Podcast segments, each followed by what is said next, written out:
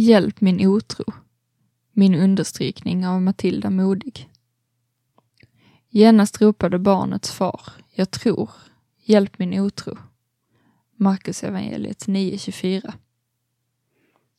Vid ett tillfälle när jag samtalade med en präst tog han upp den här versen. När jag kom hem hittade jag en text på bordet där det stod samma sak. Jag tror, hjälp min otro. För mig betyder versen mycket i stunder av tvivel. Den blir en bön, en tröst och den visar att lärjungar i alla tider har tvivlat. Också de som med egna ögon såg Jesus och rörde vid honom. Tvivlen är inte trons fiende, utan en annan sida av samma mynt. Och Jesus vet det. Han har stenkoll och han vill hjälpa dig och mig. Jesus överger oss inte. Han tänker fortsätta söka. Han är herden som lämnar 99 får för att leta reda på ett enda bortsprunget.